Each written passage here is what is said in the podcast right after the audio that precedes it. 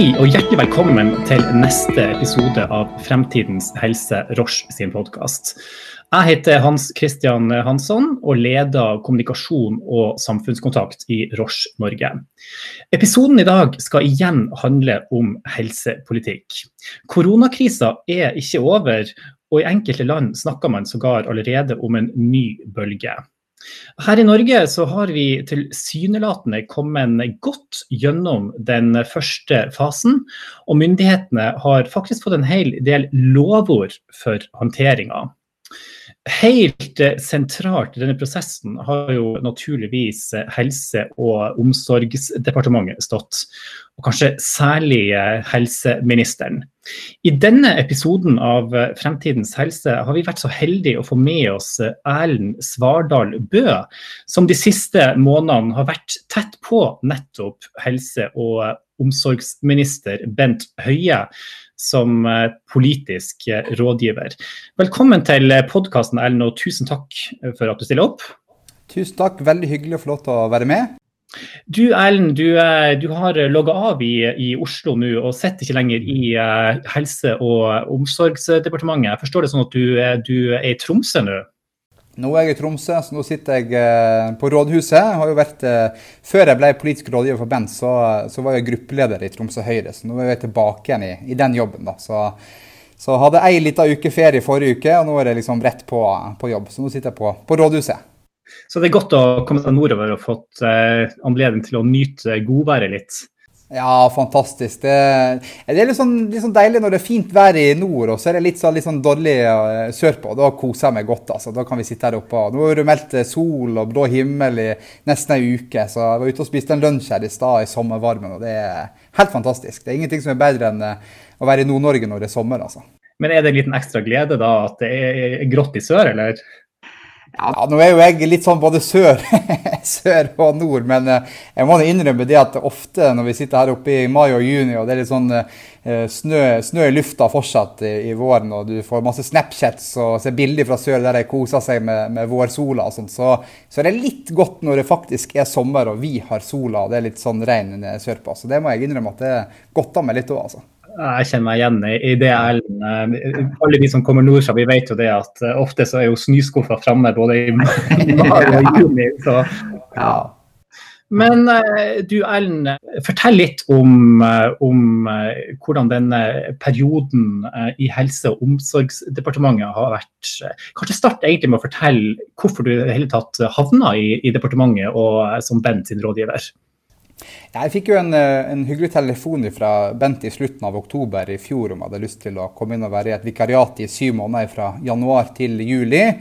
Eh, og Det takka jeg ganske raskt ja til. Vi hadde jo i Tromsø hadde jo nettopp vært gjennom en veldig sånn tøff valgkamp der det gikk helt bra for oss i, oss i Høyre. Vi kom ikke i posisjon og måtte sitte fire nye år i opposisjon. Eh, og når jeg fikk en sånn mulighet, så, så takka jeg selvfølgelig ja til det. Og det er jo litt sånn fordi at jeg alltid har hatt et stort engasjement for helse- og omsorgspolitikk. Sant? Det er jo politikk som handler om folk sine liv og helse og gripe inn i folk sin, sin hverdag. Så, eh, så, da fikk jeg den telefonen fra Bent og, og takka jo ja til det. da. Eh, og begynte da i Helse- og omsorgsdepartementet 13.1. Eh, og det var jo litt sånn jeg kom inn, så var vi midt i ei regjeringskrise. Eh, der Frp da var på vei ut. Så jeg trodde jo liksom at det, den regjeringskrisa det var liksom det heftigste jeg skulle, skulle få være med på med å jobbe i regjering. Da. Men det, det, gikk jo bare noen uker til, så, så kom jo koronakrisa og, og kasta over oss. Så, så, det har vært en veldig hektisk og veldig krevende periode i, i Helse- og omsorgsdepartementet. Og var jo ikke helt sånn jeg hadde sett det for meg. Jeg jo, hadde jo tenkt at nå skulle vi jobbe med, med rusreformen, som nå hadde høringsfrist i vår og skulle jobbe med likeverdsreform og psykisk helse og en del andre helsesaker. Da. Men eh, mesteparten av min periode i Helse- og omsorgsdepartementet har jeg da brukt på, på håndtering av koronakrisa. Hvordan merka du at eh, noe helt ekstraordinært eh, var i ferd med å eh, skje på den globale helsefronten eh, da du satt der i departementet i, i månedsskiftet januar-februar? Jeg husker jo helt når jeg kom inn fra 13.1, så var jo liksom koronaviruset var jo tema på de morgenmøtene møtene vi hadde. fordi at det var var, vi visste at det var noe som var i gang på, i Kina. Sant? En WHO hadde satt i gang sitt arbeid for å undersøke mer hva det her var for noe. Så vi, vi hadde jo diskusjoner om koronaviruset og potensialet for at det var et virus som kunne komme til Norge og som kunne bli, eh, bli, bli stort. Eh, og Eh, allerede i, i, slutten av januar så satte vi i gang på en måte overførte eh, myndigheten til å koordinere helsesektoren sitt arbeid på det feltet her over fra departementet eh, og til Helsedirektoratet. Det er jo liksom det som er i tråd med nasjonale beredskapsplaner og sånne ting. Men jeg tror at når du kom til 26.2 og du fikk det første smittetilfellet, Eh, så tror jeg liksom, alvoret begynte å synke litt inn i, i folk at det her var faktisk noe som, som, kunne komme til Norge, at det kunne komme i, i stor skala. Eh, og Jeg husker jo veldig godt at to dager etterpå, altså den 28.2, så var jo Bent og Erna på besøk på Ullevål sykehus for å få orientering om hvordan de jobba med intensivkapasitet, hvordan det så ut med isolering, hvordan de jobba med testkapasitet og hele den biten der. og samme kvelden Eh, så fikk hun òg et utbrudd på øyeavdelinga på Ullevål sykehus. Og da, da tror jeg liksom, De dagene der i slutten av februar ble litt sånn skiftig, hvordan liksom folk oppfatta at koronaviruset kunne påvirke Norge. Eh, og Det gikk jo veldig fort ifra 26.2, når du fikk det første smittetilfellet, som faktisk òg kom i, i Tromsø, i, i, min hjemby, eh, og fram til da en innførte de tiltakene som jeg gjorde da 12.3. Så jeg tror liksom i det spennet fra 26.2 til 12.3 så skjedde det utrolig mye. Men, men jeg syns at eh, en jobba med det her veldig tidlig. Eh, en brukte jo hele februar for til å oppdatere og innhente informasjon om alle kommunene sine beredskapsplaner for at det eventuelt kunne bli et større smitteutbrudd. Så, så en brukte jo liksom februar til å forberede seg veldig på at det her var et scenario som kunne komme til, eh, til Norge. Og det, det gjorde det jo. Så det var virkelig sånn at alvoret gikk opp eh, for folk, eh, både i departementet som sådan, eh, i, i Helse-Norge og generelt også ute i befolkninga i løpet av disse avgjørende dagene i månedsskiftet februar-mars?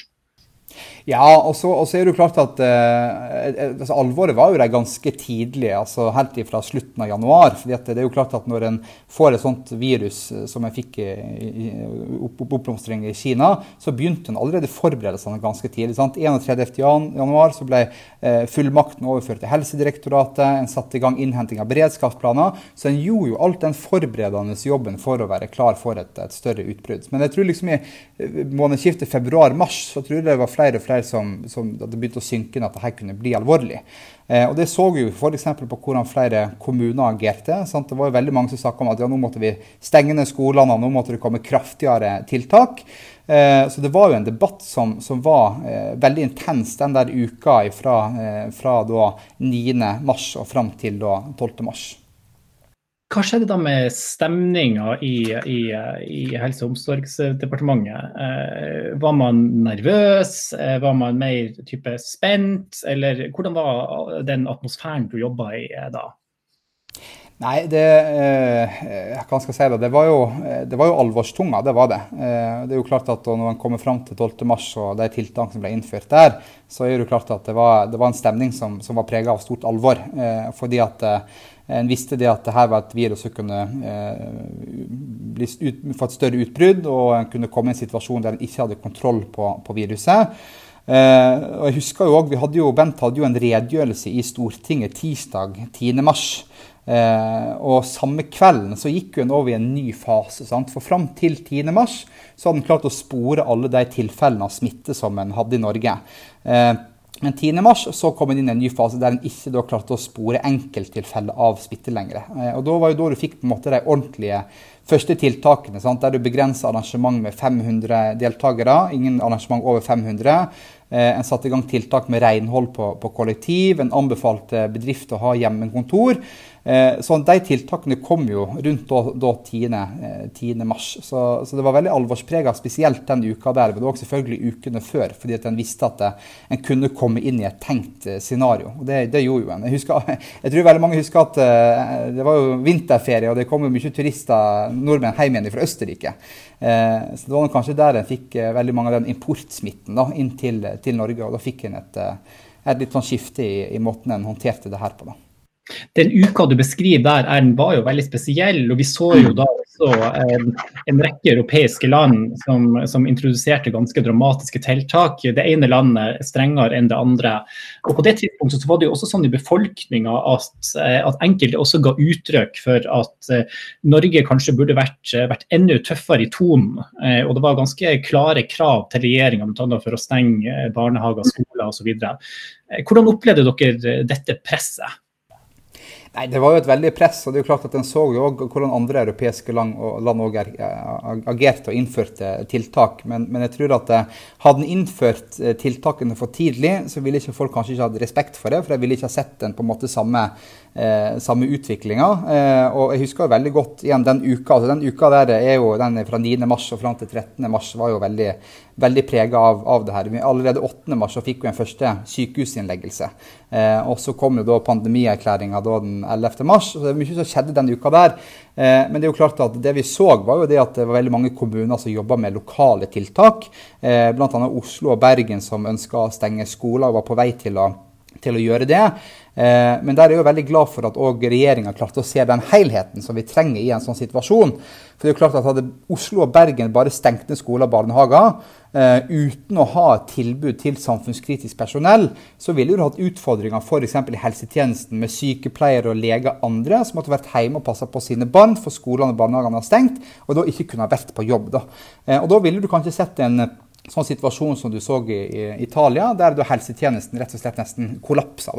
Eh, så, så, det er klart at, at regjeringa eh, stengte skoler og barnehager, men òg satt som forutsetning at en skulle ha et tilbud til samfunnskritisk personell gjennom å opprettholde skole- og barnehagetilbudet til dem. Eh, det var òg veldig viktig for at en skulle kunne holde samfunnet, samfunnet i gang. Da. Men det var et veldig press eh, for at en skulle stenge ned, og at en skulle gjøre enda mer drastiske, drastiske tiltak. Og De tiltakene kom jo òg 12. mars. Jeg husker jo òg eh, den, den, søndagen, eh, søndagen 15. Eh, mars. Det var jo da han satt forskriften både for karantene og, og det berømte hytteforbudet.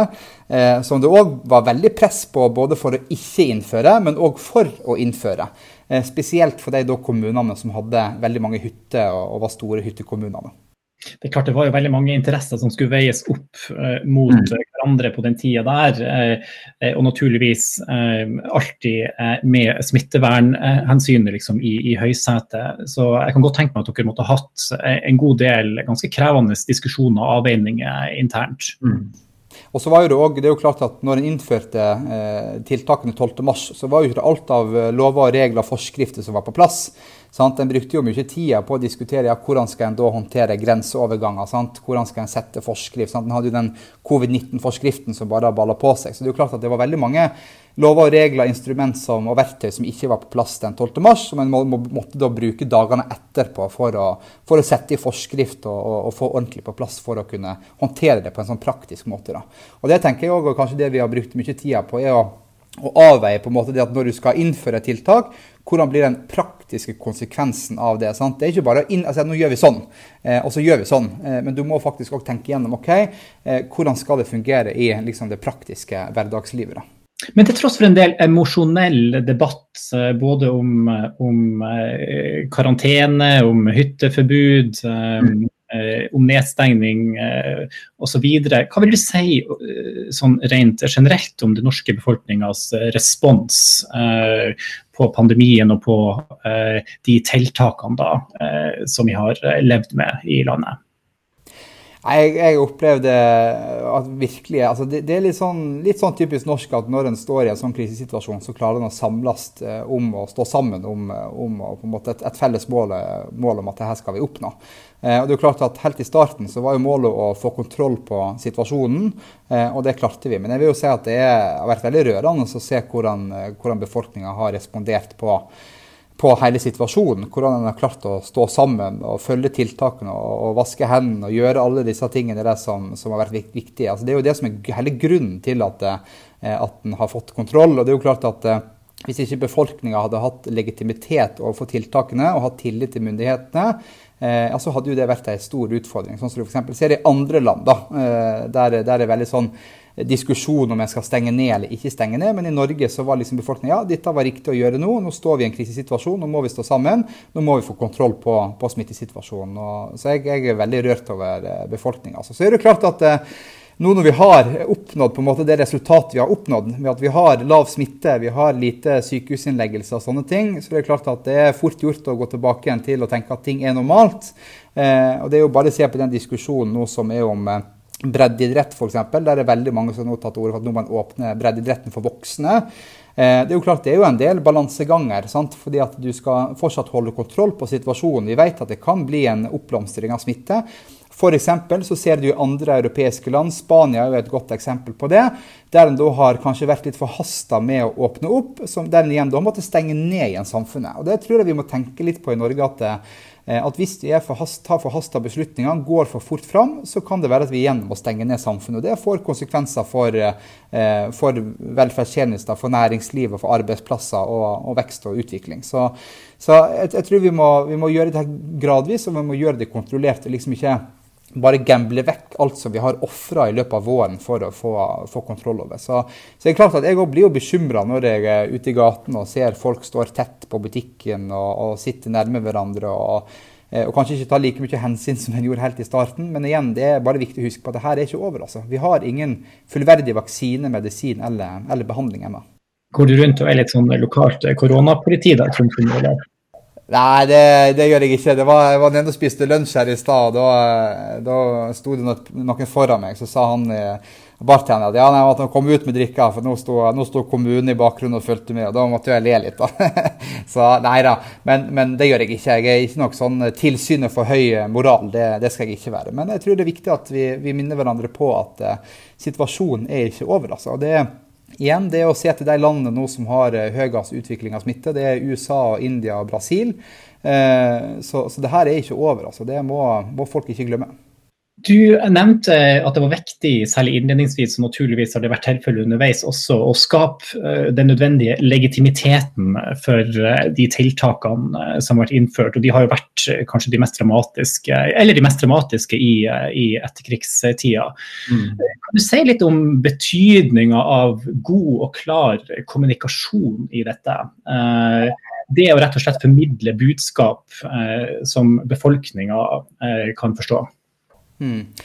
Ja, jeg tror eh, altså litt sånn I starten så var det litt den pekefingeren. Sant? Nå må, vi, må, du ikke dra på hytta, nå må du ikke gjøre sånn eller sånn eller sånn. Eh, og det er jo klart at Vi bevegde oss litt vekk fra på en måte den pekefingeren, og heller prøve å eh, være opptatt av at folk skulle være med på en dugnad. fordi at det var av alles felles interesse at vi klarte å håndtere det her sammen. Så det er jo klart at ofte i en sånn situasjon der du står i en sånn krisesituasjon, ikke bare en nasjonal krise, men òg en, en, en, krise som foregår i hele verden samtidig, eh, så var han kanskje litt opptatt av å legge vekk litt den der typiske partipolitikken. Eh, eh, og det opplevde jo at hele, egentlig alle partiene på Stortinget gjorde, eh, og at regjeringa er opptatt av å på en måte samle seg om, om tiltak og krisepakker sånn økonomisk. At en, at en på en måte la litt vekk den kjeklinga, for å si det på den måten. Eh, så den kommunikasjonen vi var opptatt av, var jo nettopp å, spille på den dugnaden. At det her måtte vi gjøre sammen. At vi hadde et felles mål. Eh, og liksom ikke bruke pekefingeren, men heller oppfordre folk til eh, å gjøre sånn og sånn og sånn. Og Det, det syns jeg har, folk har respondert veldig bra på. og det ser jeg jo, Bent har jo fått mye gode tilbakemeldinger på måten han har, han har kommunisert på. som jeg mener også har vært helt avgjørende for at en liksom har klart å holde kontroll på situasjonen og klart å få med befolkninga. Det, det er jo klart, det er jo igjen altså Se til, se til Brasil og USA. Sant? Der, greit nok, der er jo en annen politisk situasjon også som ligger til grunn. Men der er jo reell debatt liksom, om, det, om en skal eh, respektere eller ikke respektere tiltakene. Men jeg opplever at i Norge så har egentlig hele befolkninga sagt at ja, det her stiller vi oss bak, det her er vi med på. Eh, og det førte jo til at vi da 6. Eh, april var det vel, kunne da si at nå hadde vi fått kontroll på situasjonen. Fordi at den berømte R-en hadde gått under da 1. Så ja. Apropos dette med kommunikasjon, Erlend. Eh, myndighetene i Norge har jo også fått ros for faktisk eh, å også være åpen om, om, dette med usikkerhet. Ikke alltid mm. stå der på podiet under pressekonferansene og gi inntrykk av at man har eh, fasitsvaret. Um, og dette gjelder også for så vidt uh, de underliggende etatene, både direktoratet og, Folkehelseinstituttet. Har det vært en omforent linje at man rett og slett uh, skulle legge seg på et, et, så høyt nivå av åpenhet som mulig? Ja, det, altså, det, det, er klart at Jeg må jo være åpen om situasjonen og hvordan situasjonen utvikler seg og hvordan jeg har tenkt rundt tiltakene. og Det er klart at det har jo vært litt sånn Eh, vært litt sånn debatt om hvorfor en ikke publiserer de ulike delrapportene etter hvert. sant? En har liksom publisert alt samtidig. Men det har jo handla mest om at en skal på en måte få fram en mest mulig helhet. Eh, og av hensyn til befolkninga, sånn at en liksom skal få med seg hva, hva, som, hva som, skjer. Men, men, jeg opplever at det har vært veldig mye åpenhet og, og, og ærlighet i på en måte hvordan vi har håndtert det i, i, i Norge, sammenligna igjen sammenligna med, med, veldig mange andre, andre land. Og så er det jo klart at det vil jo komme en evaluering, eh, og den evalueringa vil jo vise at det her, eh, vi, det her trengte vi ikke å gjøre. Det her var bra at vi gjorde. Og det er jo klart at Jeg må jo tåle å stå i en sånn evaluering, men da må en òg huske på at vi har ikke stått i en sånn situasjon som det her tidligere. Eh, og jeg synes også det er veldig mange som har sagt det før, bra at det, liksom, det liksom, vi har jo drevet på med et eksperiment. sant? Eh, fordi at en har ikke sett effekten av disse tiltakene liksom, hver enkelt for seg. En har liksom innført tiltakene samla, og så har en sett den samla effekten av, av tiltakene. Så, så evalueringa vil jo vise at eh, ja, kanskje, kanskje, var det ikke rett å stenge skoler og barnehager, men på det tidspunktet som beslutninga ble tatt på, så var det riktig å gjøre det. Fordi at det var en så usikker situasjon der en ikke hadde kontroll på, på smitten, og der en måtte da gjennomføre den type tiltak. Så, så evalueringa vil jo vise eh, hva som var bra og hva som ikke var bra. Ja, hva som er forbedringspotensial. Så må en huske på at en har jo den type evalueringer fra før. og veldig mye, Jeg husker jo svineinfluensaen i 2009 eh, er jo f.eks. en litt sånn situasjon der du fikk den pandemimeldinga som ble behandla på Stortinget i 2013, som viste flere forbedringspunkt, eh, og som jeg også mener at regjeringa har fulgt opp i, i, stor grad. Så vil det òg være eh, sant, diskusjon om smittevernutstyr. Sant, hvordan rigger vi oss bedre for det neste gang. Så, det, sånne debatter må en være åpen om. altså. Er du selv, eh, hva tenker du sjøl om den evalueringa som kommer? Er du nervøs med tanke på utfallet, eller? Nei. Eh, jeg mener jo eh, at vi har håndtert situasjonen på en god måte. Eh, og Det viser jo òg antall sykehusinnleggelser og dødsfall og, og, og, og smittesituasjonen akkurat nå, at vi har håndtert det på en, på en god måte. Altså, det, er klart at det, det, vil jo være en debatt om f.eks. om det var nødvendig å, å, å gripe så inn for i å stenge ned skoler barnehager, og hvilken eh, effekt det hadde for på samfunnsøkonomien. Sant? Så det vil jo være ulike eh, sektorer og områder som, som veies opp imot hverandre. Men, men jeg syns det er bra at vi får en sånn evaluering, at den er mest mulig åpen og ærlig om, om hva som var bra, og hva som kunne vært gjort annerledes, og hva som må være forbedringspunktet til neste gang. Jeg tror ikke vi må gå, gå rundt og være bekymra eller redd for å få en den type evaluering. Altså det tenker jeg bare er bra, fordi det forbereder oss bedre til neste gang det kommer en, en pandemi. og det, det, vil jo mest sannsynlig komme neste gang. Men hva har, den situasjonen vi har stått i nå, hva har den lært deg om, eh, om den offentlige helsetjenesten eh, som vi har i Norge? Eh, at den er helt fantastisk. At en i løpet av kort tid klarer å omstille seg og at en klarer å mobilisere nødvendig kapasitet eh, for å ha en helsetjeneste som er godt forberedt. Altså. Eh, det er jo klart det er måten veldig mange, både sykepleiere, og leger og annet helsepersonell, har jobba overtid og, og, og hatt veldig krevende dager. Det er rørende å se. altså. og så er Det jo klart at det jeg kanskje også ble veldig rørt av, det var jo når, når vi sendte ut et sånt medisinsk team Eh, vi har også det EMT, eh, som er et sånn internasjonalt helseteam. Eh, som reiser til ulike områder i, i, i, verden for å bistå fra Norges side. Eh, og når vi hadde det medisinske teamet fra Norge som da i midten av april reiser til Nord-Italia eh, frivillig eh, og bidrar i det som ja, kan kalles et helvete på noen italienske sykehus, Eh, og, ja, det var, det var, veldig rørende. Så det er klart at vi har helsepersonell i Norge som, som har gjort en utrolig god jobb. Altså. Så jeg har lært mye om helsetjenesten og hvor, godt, hvor fort den kan omstille seg og hvor fort den kan mobilisere nødvendig kapasitet. Og, og hvor langt vi faktisk er villige til å gå for eh, å verne om liv og helse til folk i, i, landet vårt. Og Det er jo kanskje det som er den viktigste oppgaven til en stat. Det er jo å trygge befolkninga si. Og det har virkelig helsetjenesten gjort i den situasjonen her. Altså. Så all mulig ære til norsk helsetjeneste. Der er det nok ingen tvil om at det er mange som fortjener både lovord og, og, um, og vel så det. Um, har den situasjonen vi har stått i nå også gitt deg som, som, politiker da, enda større interesse for, for helsepolitikk som felt? Um, er dette et område du kunne tenke deg å jobbe enda mer med fremover? Mm.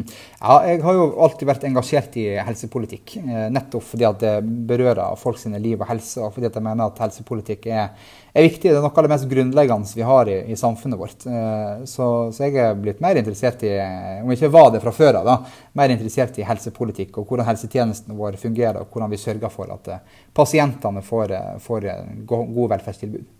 Og Helse- og omsorgsdepartementet, da, var det en, en, bra plass å være? Er Bent en, en god sjef? Ja, Bent er en veldig god sjef. Og jeg må bare si, og det har jo han sagt sjøl òg, at, eh, at han, han tror ikke han ville håndtert det på samme måte han har fått det her etter ett år som helse- og omsorgsminister.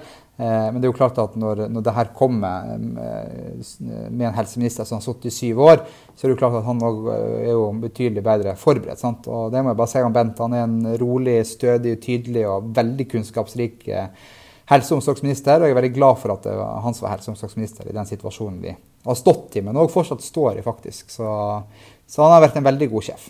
Så han eh, beholder roen sjøl i de mest krevende situasjoner? Ja, det gjør han. Mektig imponert, rett og slett. Du nevnte allerede liksom det at du så at, um, at, man var i stand til å uh, legge noen av de uh, hva vi skal si, verste politiske kjepphestene vekk for en periode og, og jobbe i mm. Fellesskap. Um, tanker gjør det? Nei, det er jo klart at uh, Alle partiene på Stortinget stilte jo seg bak tiltakene innførte 12.3. Uh, en har hatt flere runder med krisepakker der en liksom har klart å legge vekk litt partipolitikk og blitt enige om liksom, at nå, nå, er det viktig at vi står sammen. Så Det er jo klart det er jo imponerende å se at når en står i en av de største krisene vi har hatt i nyere tid og i etterkrigstida, så klarer en å stå samla politisk. da. Men det er jo klart at en liksom merker jo litt nå at nå er liksom en begynt å normalisere seg litt. og Jeg husker jo også i i midten av april så var jo liksom Arbeiderpartiet òg litt ute og skulle liksom diskutere om regjeringas strategi for håndtering av koronaviruset var riktig. Men sant, jeg hadde ikke noe alternativ til det. Så det er jo klart at det, i, i, de første ukene så klarte en å stå veldig samla om på en måte hvordan en skulle håndtere det. Og så har en kanskje merka litt nå at nå begynner debatten å normalisere seg. sant? Nå er en liksom tilbake igjen til å diskutere skattelette og, og litt andre, andre små, store, store saker. Men i den tida der så var det helt avgjørende at vi hadde politikere som klarte å stå samla. Altså. Og det er jo litt det som vi prata i stad når vi snakka om kommunikasjon. Det er på en måte å legge litt vekk partipolitikken, eh, men være fokusert på at nå har vi én jobb, nå er vi folkevalgte. Uh, uavhengig av parti, altså samle seg om, om, tiltak og hvordan en skal sørge for at, uh, ja, liksom at innbyggerne og landet vårt skal komme oss trygt gjennom den situasjonen vi har stått i, men også står i fortsatt. Folkevalgt nevnte du Erlend, som som et stikkord nå. Det er jo noe mm. du så vidt er allerede, og også ønsker å, å fortsette å være. Eh, det er mm. ingen hemmelighet eh, nå at, eh, at, du også jobber for en stortingsnominasjon. Fortell oss litt om det. Ja, eh, jeg, ja, jeg stiller jo da til Stortinget for Høyre i Troms, eh, og utfordrer da litt sånn sittende representant. Og det er ingenting imot at, eh, hvem som sitter der. Vi har masse dyktige folk fra Høyre fra Nord-Norge. Eh, men det er klart at jeg har litt andre perspektiv på, på hvordan jeg mener at vi bør jobbe framover. Bl.a. det å være, være, synlig, mer synlig fra, fra nord. Eh, løfte opp både små og store saker. Være flinkere til å reise rundt i små og store lokalsamfunn. Så, så jeg har nok bestemt meg for at jeg ønsker å, å, å stille på førsteplassen. Og da komme inn på Stortinget og kunne, kunne jobbe med politikk der. altså jeg syns politikk er veldig givende. En av de tingene jeg syns er aller kjekkest, er å være ute og møte folk. Møte bedrifter, organisasjoner, næringsliv og andre. Fordi For meg så gir det veldig mye energi. Eh, av å møte folk, eh, men òg det gir inspirasjon til politikk. Altså politikk som kan gjøre hverdagen for enkeltmennesker eller familie eller bedrift eller hvem det skulle være, bedre. Så, så jeg finner, finner, veldig mye energi i det å holde på med, med politikk. Altså. Det er litt derfor jeg ønsker på en måte å ja, og kanskje, kanskje, prøve å komme inn på Stortinget og være med å påvirke den nasjonale politikken. Og det er jo klart at Jeg har vært politisk rådgiver i Helse- og omsorgsdepartementet i, i, nå i syv måneder. og vært med på to ganske sånne eh, ja, største, En av de største krisene vi har hatt i nyere tid, men òg en regjeringskrise som òg var, eh, var, ganske eh, litt sånn veivalg for den regjeringa som vi er i nå. Så det er jo klart at det gir jo mersmak på å holde på med politikk. For du ser, du ser at eh, hvis du kan bidra på positiv måte, så har det òg en positiv effekt på folk sine, sine hverdagsliv. Men føler det at du, eh, du, har vokst som politiker eh, på den eh, perioden du har hatt nå i Helse- og omsorgsdepartementet, at du har gjort erfaringer som, som, du også vil kunne ta med deg inn i en, i en potensielt fremtidig rolle som stortingsrepresentant fra Troms? Ja, det er jo klart at jeg tror ordet krise har nok en litt annen betydning for meg enn, enn det har hatt, hatt, før, og sikkert for veldig mange andre. Men det er jo klart at du du får jo virkelig sett hvordan samfunnet fungerer, eh, og, og, hvordan en jobber i en måte de mest ekstreme situasjonene vi står oppe i. Eh, så jeg føler det at eh, de erfaringene jeg har fått Jeg føler liksom litt sånn at det er ikke bare er sånn halvårserfaring. Det er erfaring som strekker seg mye lenger enn enn en bare det, det halvåret jeg har vært inne, men har fått erfaringer som Eh, som jeg kan ta med meg i lang tid. Og det er jo klart at Du, du, du får litt sånn, litt sånn annet forhold til embetsverket. Si Vi har et fantastisk embetsverk i Norge med folk som stiller opp og som Eh, som er beredt for, for, å bidra til at den politiske ledelsen skal gjøre en best mulig, mulig, jobb. Meget imponert over det som skjer der. Men det er jo klart at uh, du ser jo, altså, i den situasjonen jeg har vært i, så har jo ting bare gått bom, bom, bom, bom, altså gått veldig fort. Eh, og kanskje ikke at det er helt sånn i en normal situasjon. Da. Så jeg har liksom fått vært med på det mest ekstreme tilfellet av der jeg må jobbe veldig hastig i regjering, fordi at situasjonen endrer seg så fort. da. Men jeg vil si at det er erfaringer som, som jeg kommer nok til å bære med meg hele livet. altså. Mm. Hvis du skal kikke litt da, i, i eh, krystallkula eh, litt, litt, fremover, hva er din visjon for, for fremtidens helse? Nei, Det er jo litt sånn, kanskje litt, eh, det er jo litt sånn som egentlig mitt partis versjon. Da. Det er jo klart at det å skape pasientens helsetjeneste har jo alltid stått i, vært, vært, vært opptatt av. fordi at jeg har alltid ment at uansett hvilken velferdstjeneste det er snakk om, enten det er liksom innbyggertjeneste, eller det er helsetilbud, eller det er skole og barnehage, eller hva det er for noe, så er jo både, både stat og kommune og, og, og, fylke eller region til for innbyggerne, først og fremst. Eh, og da mener jeg at i alle velferdstilbudene utformer, så er det da innbyggerne som skal stå liksom fremst i hvordan en utformer på en måte det, det tilbudet. Så Pasientens helsetjeneste det, det, er viktig og har alltid vært viktig for meg å skape. Så, så, jeg er opptatt av at vi sørger for at vi har en helsetjeneste som er tilpassa eh, pasienten. Da. Eh, enten det handler om å lage pakkeforløp som, som vi har gjort eh, innenfor flere områder, både kreft og rus og psykisk helse. Eh, det handler om å sørge for fritt behandlingsvalg. At eh, det viktigste er ikke om det er offentlig eller privat, men det viktigste er faktisk at det, eh, tilbudet folk får, det er kvaliteten på tilbudet, det som er, det viktigste. Så, så, for meg så er, pasientens helsetjeneste det viktigste visjonen jeg har for helsetjenesten pasienten i, i, sentrum, ja, det er et helt sentralt mål for mange av oss. Både i, uh, i det offentlige og det private, tenker jeg. Tusen takk til deg, Ellen, for en god samtale og for at du ønska å være gjest i podkasten vår. Og til alle dere som lytter på, tusen hjertelig takk for eh, følget. Lik gjerne Roche Norge på Facebook og på LinkedIn for mer innhold om Roche og om fremtidens helse. Her må dere også veldig gjerne dele tips om potensielle temaer eller gjester vi kan ha med i podkasten. Tusen takk for denne gang. Vi høres.